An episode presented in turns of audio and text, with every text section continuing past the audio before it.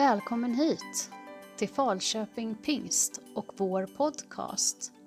Här kan du ta del av undervisning från våra gudstjänster och andra samlingar. Vill du ha kontakt med oss?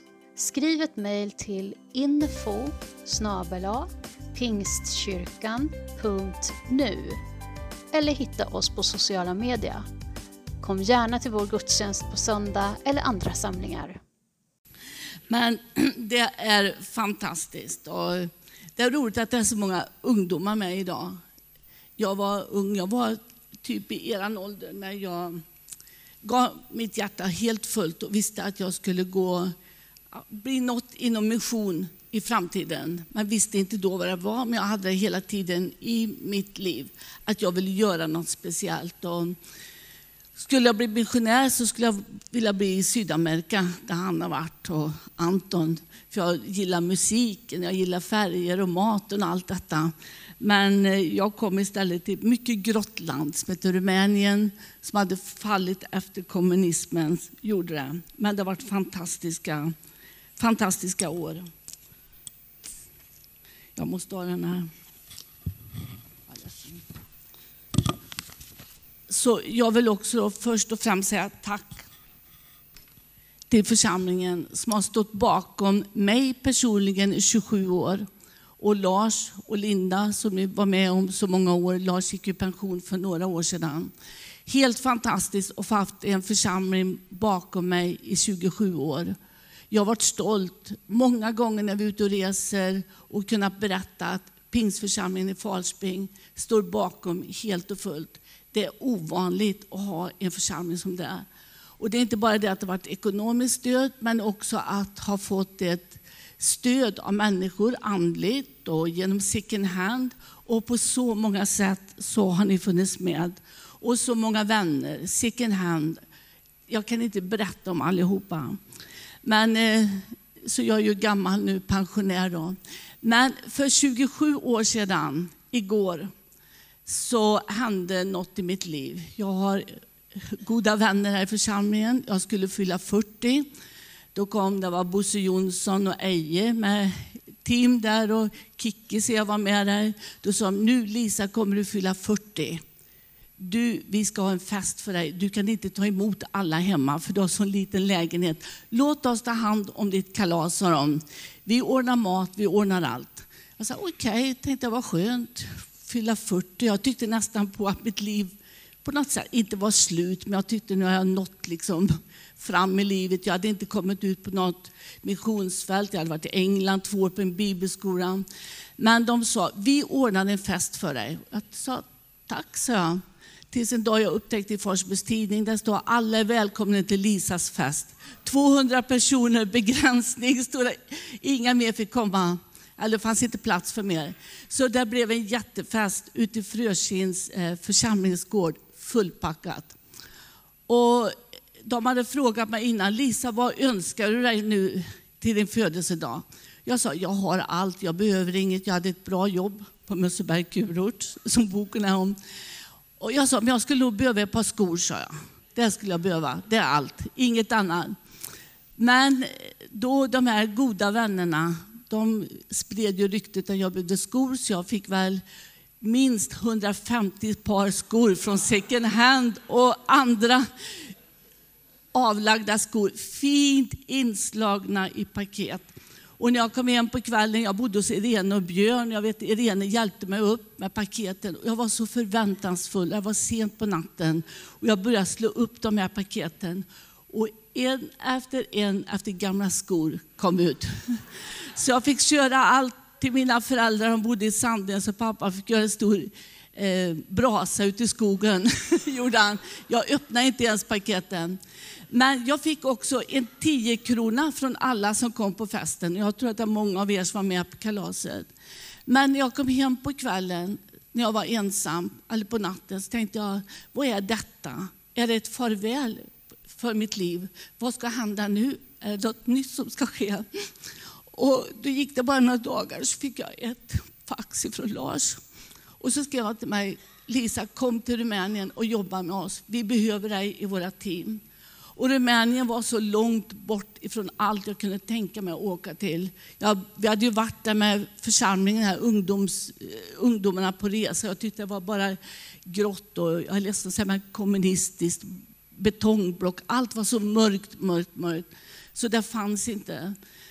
Men efter mycket om så, okej, okay, jag åker ner en vecka och ser om det är rätt för mig att åka dit. Och jag åkte ner en vecka och på flyget hem så sa jag tack gode Gud att jag åkte dit en vecka. Jag kommer aldrig att flytta till Rumänien.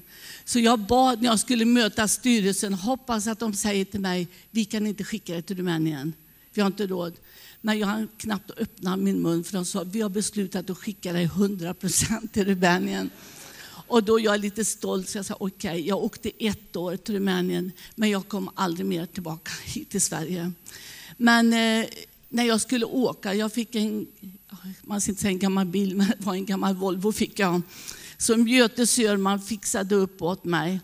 Och Rudfeldt Hans han tar om för mig, nu när du åker till Rumänien, jag skulle åka ensam ner, så stannar du där och så stannar du där och så kan du äta där och så stannar du där och så äter du där. Sa Hans till mig och jag satte mig i bilen och började åka. Och när jag kom till Alingsås då lyste bromslampan och jag blev livrädd. Så jag ringde till Göte och sa bromslampan lyser. Men Göte sa det är ingen fara, så brukar det göra. sa han. så du kan åka. Så jag åkte och jag kom ner på autobahn i, i Tyskland och åkte genom Österrike. Och ju mer jag åkte, desto räddare var jag. Jag var livrädd, kan jag säga ärligt. Och jag kom ner till Österrike, gränsen där någonstans, tänkte jag måste sova lite för jag var så trött. Så jag parkerade mellan två långtradare och eh, somnade till och vaknade någon på att tvätta mina fönster. Och där visste jag att det var inte så bra. Så satte jag mig iväg och körde hem. Och när jag kom fram till Rumänien så ringde jag hem till min mamma för jag har åkt väldigt fort och långt. Då. Och då sa åh vad skönt du ringer, vart är du nu? Och jag är framme. Då sa jag så du kan sluta och be nu. Men det var min resa till Rumänien. Ett fantastiskt liv har jag fått vara med om i Rumänien. Ett fantastiskt liv. Jag kan säga att det inte har alltid varit lätt. Det har varit både upp och nedgångar. Jag kom in i en kultur som var helt främmande för mig. Jag var van vid det att det var varmt och skönt liksom i lägenheten. Man hade elektricitet, varmvatten. Det var sånt som vi inte tog för givet. Och jag flyttade in i ett ehm, när Ceausescu, som diktatorn hette innan, han tog in alla folk in i städerna, byggde höghus, jättehöga hus. Så jag fick en lägenhet på sjunde våningen i ett sånt betongblock. Och eh, när man kom till mig då var det bara en, eh, en sån öppning där det skulle vara en hiss, men det fanns ingen hiss. Utan det var bara liksom ett hål rakt ut där. Och jag bodde på sjunde våningen. Och Dan och Patrik Bertilsson, Dan Hovskär och Patrik de kom och hälsade på mig så de vet hur det är. Och inget lyse fanns det i trappuppgången. Så när jag kom upp på tredje våningen visste jag inte vart jag var. Då fick jag gå ner och börja räkna igen. Tills jag kom på att jag kunde köpa mig en ficklampa och börja veta vart jag var. Det var lite när jag flyttade till, till Rumänien, mycket som hände. Och second hand har ju alltså betytt jättemycket för oss och gör fortfarande. Många frågar, behöver ni fortfarande hjälp? Vi behöver all hjälp vi kan få. Det kommer in nya barn precis hela tiden. Och familjerna, det vi har, det är det vi får av er. Någon kom till Lars en dag, vi hade besök och sa, men så fin tröja han har, har ni så gott ställt? Nej men det är ju du som har skickat den, för det var något fint märke på den. Och ibland har sett det står trandansen i Falköping när de står och sjunger Herrens ära. Det är ganska roligt. Eller Bofors kanoner var det en dag någon som kommer. Men, och på second hand, så fortsätt att ge, fortsätt att handla. Och jag vet att ni har många, många som jobbar på second hand. En del är med i kyrkan, en del är inte med. Men ni ska veta vad detta betyder mycket. Och för oss som får stå där ute och ta emot detta och få med och dela ut och dela vidare. Det är en stor, stor välsignelse. Så i detta arbete vi finns med i så är det inte bara vi, Lars eller jag, utan det är vi alla tillsammans. Men en, en gång i början på när jag kom ner från second hand så var jag med när vi lastade av och helt plötsligt dök upp dök det upp en säck där det stod sop, sopor, heter det va? Sopor sådär. En svart sån plastsäck med sopor på. Tänkte, vad kan jag skicka en sån säck? Och jag öppnade och det var sån här kaffesump och allt möjligt i den. Det var Kikki Wallin som inte hade kollat när de skickade iväg lasten. Utan den säcken som vi skulle få, den stod kvar på second hand och vi fick sopsäcken istället. Men det kunde vi förklara bort också. Men eh, när jag fick den här kallelsen då att åka till Rumänien, både från Lars där nere i arbetet och också från Gud, så visste jag inte vad som låg framför. Hade ingen aning. Men det har varit en fantastisk tid. Och idag har vi på Kamen och Felix familjebyar, ni som inte känner till det, vi har två, alltså två familjebyar. Cirka 700 barn har funnits med och finns med idag i verksamheten. Barn som kommer från gatan, från institutioner, kommer från fruktansvärda eh, förhållanden. En del små banditer. Men de har fått en mamma och en pappa, ett ungt par som har gått in och sagt vi vill bli föräldrar för barnen. Och de här föräldrarna finns alltså med barnen hela livet. Det är som en riktig familj. Och jag vet att det finns många faddrar här. Och några av er, eh, vi skickade ut ett nyhetsbrev, det är inte så länge sedan. Då är det ett av våra sista par som har kommit in där i Rumänien. Han har växt upp på Camino Felix, kom som en liten pojk, kom slagen utan någon som hade gett honom kärlek, kramat honom. Kom in till Camino Felix, fick en ny mamma och pappa. Idag är han gift och har sin egen familj. Och de sa, nu vill vi bli föräldrar på Camino Felix. Och mamman där i hemmet, de fick in sju stycken barn på en gång. Och en av dem var en ung kille, tonåring. Så mamman frågade honom, har du någon modell i ditt liv? Eller vem har varit ett exempel för dig? Eller har du något exempel nu? Och då tittade han på sin nya pappa som heter Jonots. Och då sa han, min pappa här, sa han, han är min modell. Han sa, han har visat mig att man kan komma från de mest tragiska förhållandena, bakgrunderna. Men man kan få livet förändrat och få en familj och få möta Jesus. Visst är det fantastiskt? I Thailand där vi också har en Felixby som ni hörde Ingalill berätta om. En av flickorna där träffade jag, nu har det varit pandemin så vi har inte kunnat resa. Men då frågade jag henne vad hon läser, för hon skulle börja läsa på college. Och då sa hon till mig att hon skulle läsa kinesiska. Så jag sa till henne, men varför skulle du läsa kinesiska? Hon är typ 15 år. Och då sa hon till mig, jag ska bli missionär i Kina, sa hon. Och då, men då sa hon till mig, men du förstår, man kan inte bara bli missionär, utan man måste bli lärare också, annars kommer man inte in i Kina. Så jag ska bli lärare på, på dagtid och så ska jag vara missionär på kvällen.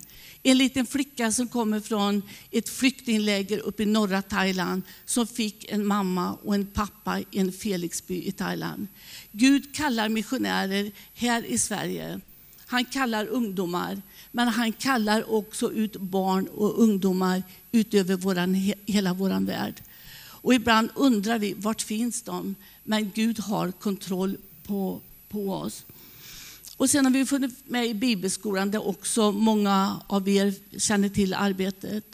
Idag har cirka 300 eh, ungdomar funnits med och finns fortfarande med i arbetet. Cirka 90 procent av ungdomarna som går ut från Östeuropeiska bibelskolan finns idag ute i heltidstjänst.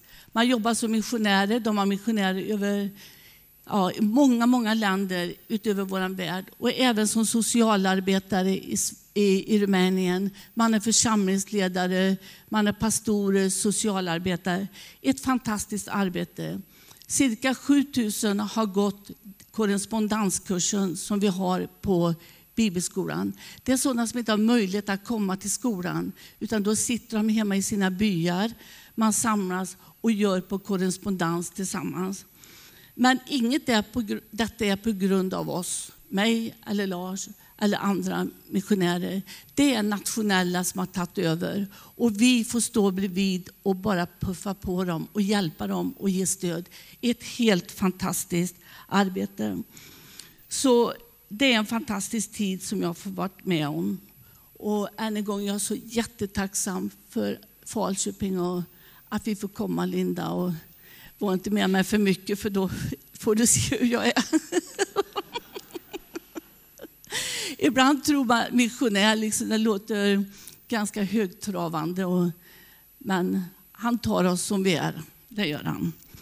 Så en del har frågat oss, så har ni flyttat hem till Sverige? Varför har ni flyttat till Staffanstorp? Varför flyttar ni inte till Falköping? Och eh, det kan man ju undra då. Men vi kände när vi åkte hem till, skulle flytta hem till Sverige och vi gjorde det, det är ganska lång tid tillbaka, det är liksom inget vi har bara hoppat in att göra. Men vi hade ju lämnat över det mesta av vårt arbete till nationella ledarna i Rumänien. I Thailand finns jag fortfarande med och leder arbetet. Men vi hade gjort det och så kom pandemin och vi var hemma och vi var ute och gick mycket Lars och jag. Och vi sa det kanske är dags nu att vi drar oss hem till Sverige. Och eh, så vi kom att hamna i Staffanstorp. Vi tittade på allt ifrån, jag sa Skövde för att inte vara så snäll mot Linda, men allt ifrån Falköping och neråt. Men vi hamnade i Staffanstorp för vi har en del av vår familj där. Och, eh, så vi bor 15 minuter till flygplatsen, så jag kan åka till Rumänien. Jag har hemlängtan. Eller, jag är hemma nu, ja. Men, och sedan kan man åka till eh, internationellt, till Köpenhamn har vi bara 30 minuter. Så det blev i Staffanstorp. Och en del frågar, nu är ni pensionärer, ska ni ta det lugnt nu? Men det hade vi inte tänkt då, för vi har flyttat in i ett sånt här plus 55 boende. 54 lägenheter där inte många känner oss, men vi ser dem som ett missionsfält. Och Lars han har lätt att presentera sig. Han brukar säga att han är pastor, för de frågar alltid när vi kommer. Och vi hade en rumänsk registrerad bil och en del tittade och trodde vi var lite banditer. Men så gick vi ut och berättade att vi är rumäner i hjärtat och svenskar i kroppen. Men så vi ser det som ett missionsfält och vi kommer fortfarande att resa. Vi har en resa på gång upp i Norrland i slutet på november. Så vi kommer att fortsätta att jobba. Och Lars han sa en gång till mig att eh, det är också ett bibelord, att de levde tills de dog.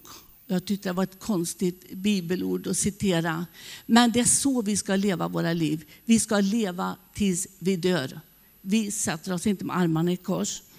Så jag läste ifrån eh, Apostlagärningarna 10. Och eh, det handlar om Cornelius. Och det bara liksom, jag vill att ni läser det kapitlet när ni kommer hem från Apostlagärningarna 10. Att hur vi som kristna, frälsta, troende, alla bär på en kallelse. Det är inte bara våra pastorer, församlingsledare, missionärer som bär på en kallelse. Vi som har fått uppleva Jesus i våra liv, vi bär på en kallelse. Och det har också konsekvenser som är väldigt bra. Så en del har sagt till mig, Lisa du är speciell som gav upp Falköping, ditt liv för att flytta till Rumänien. Men jag säger, jag är inte mer speciell eller utvald än någon annan av er här idag. Det är bara att vi ser och förstår vad Gud har kallat oss in till.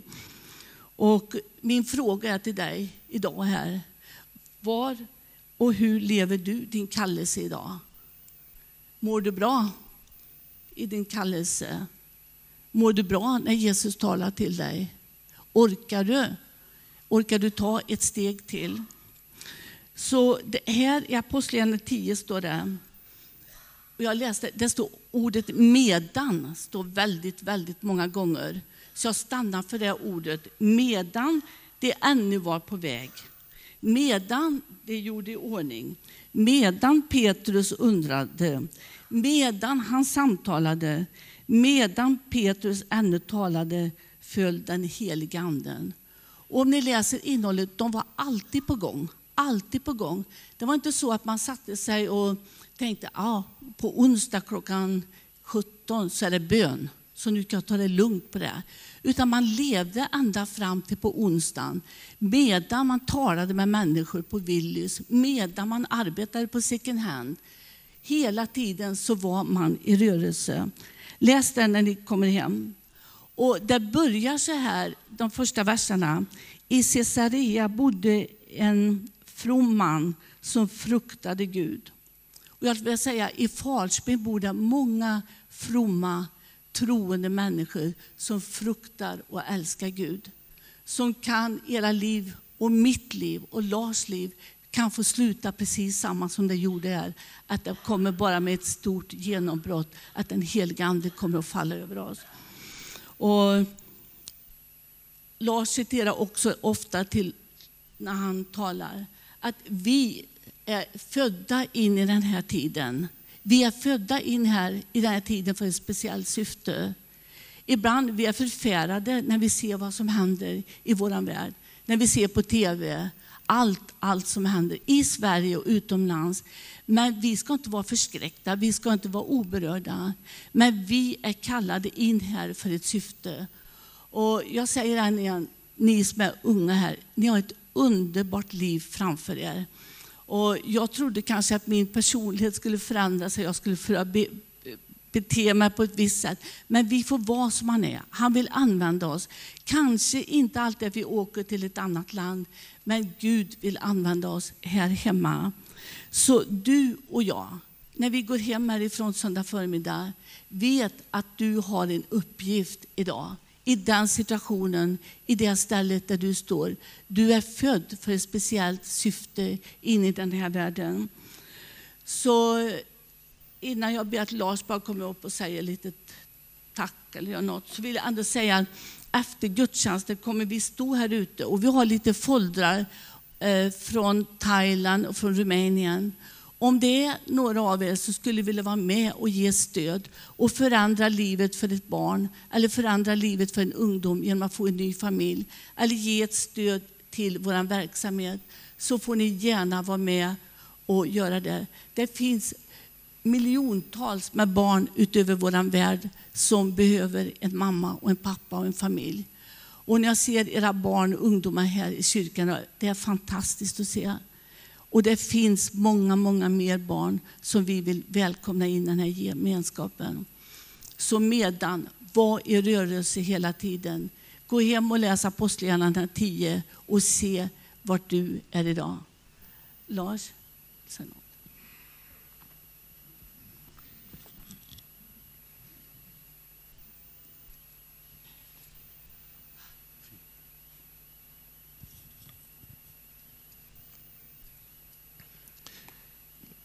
Ja, jag vill inget säga.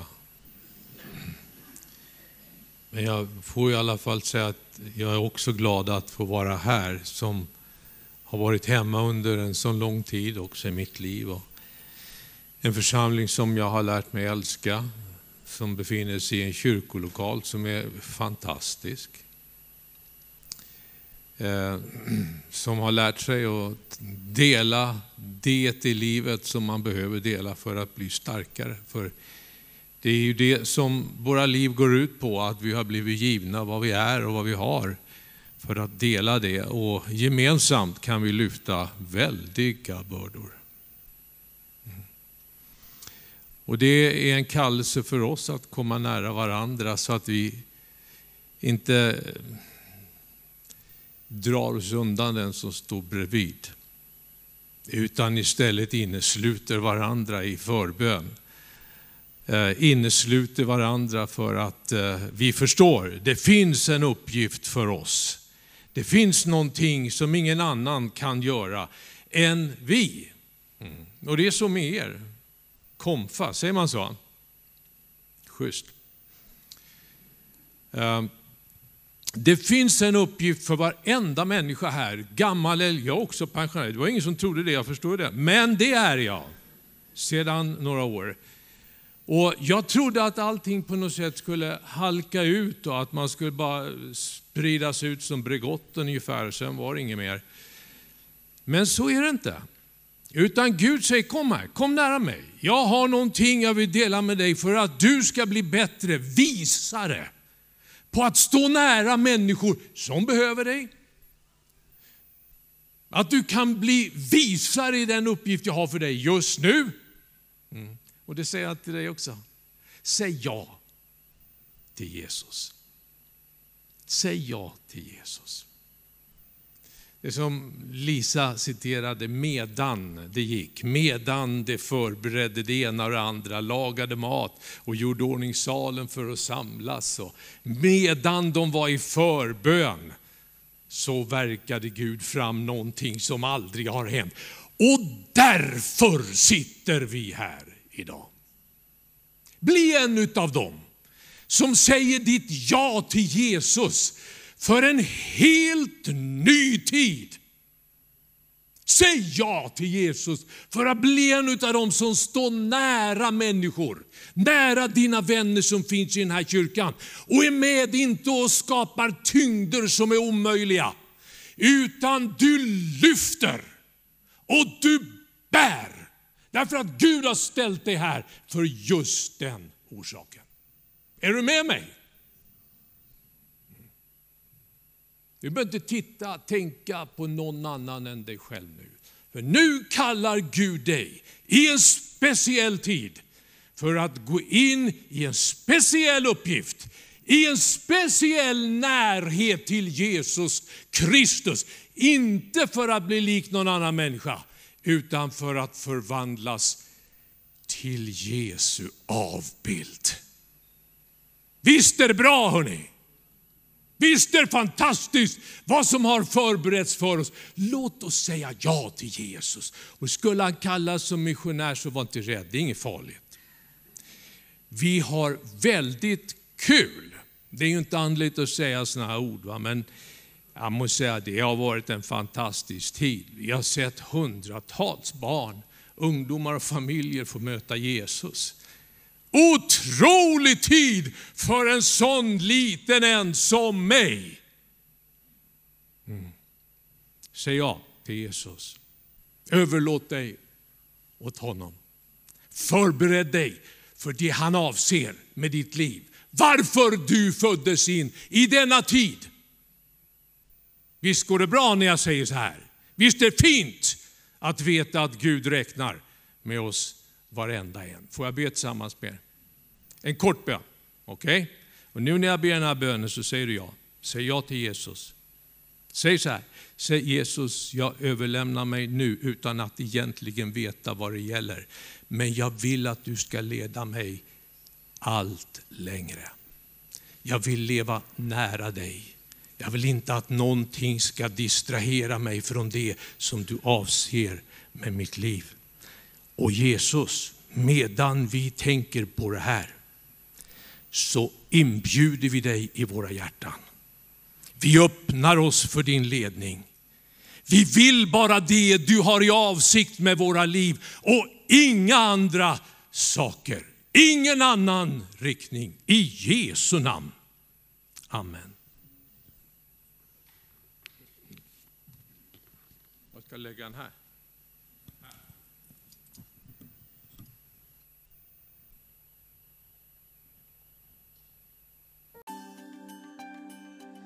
Du har lyssnat till undervisning från Falköping Pingst. Gud välsigne dig.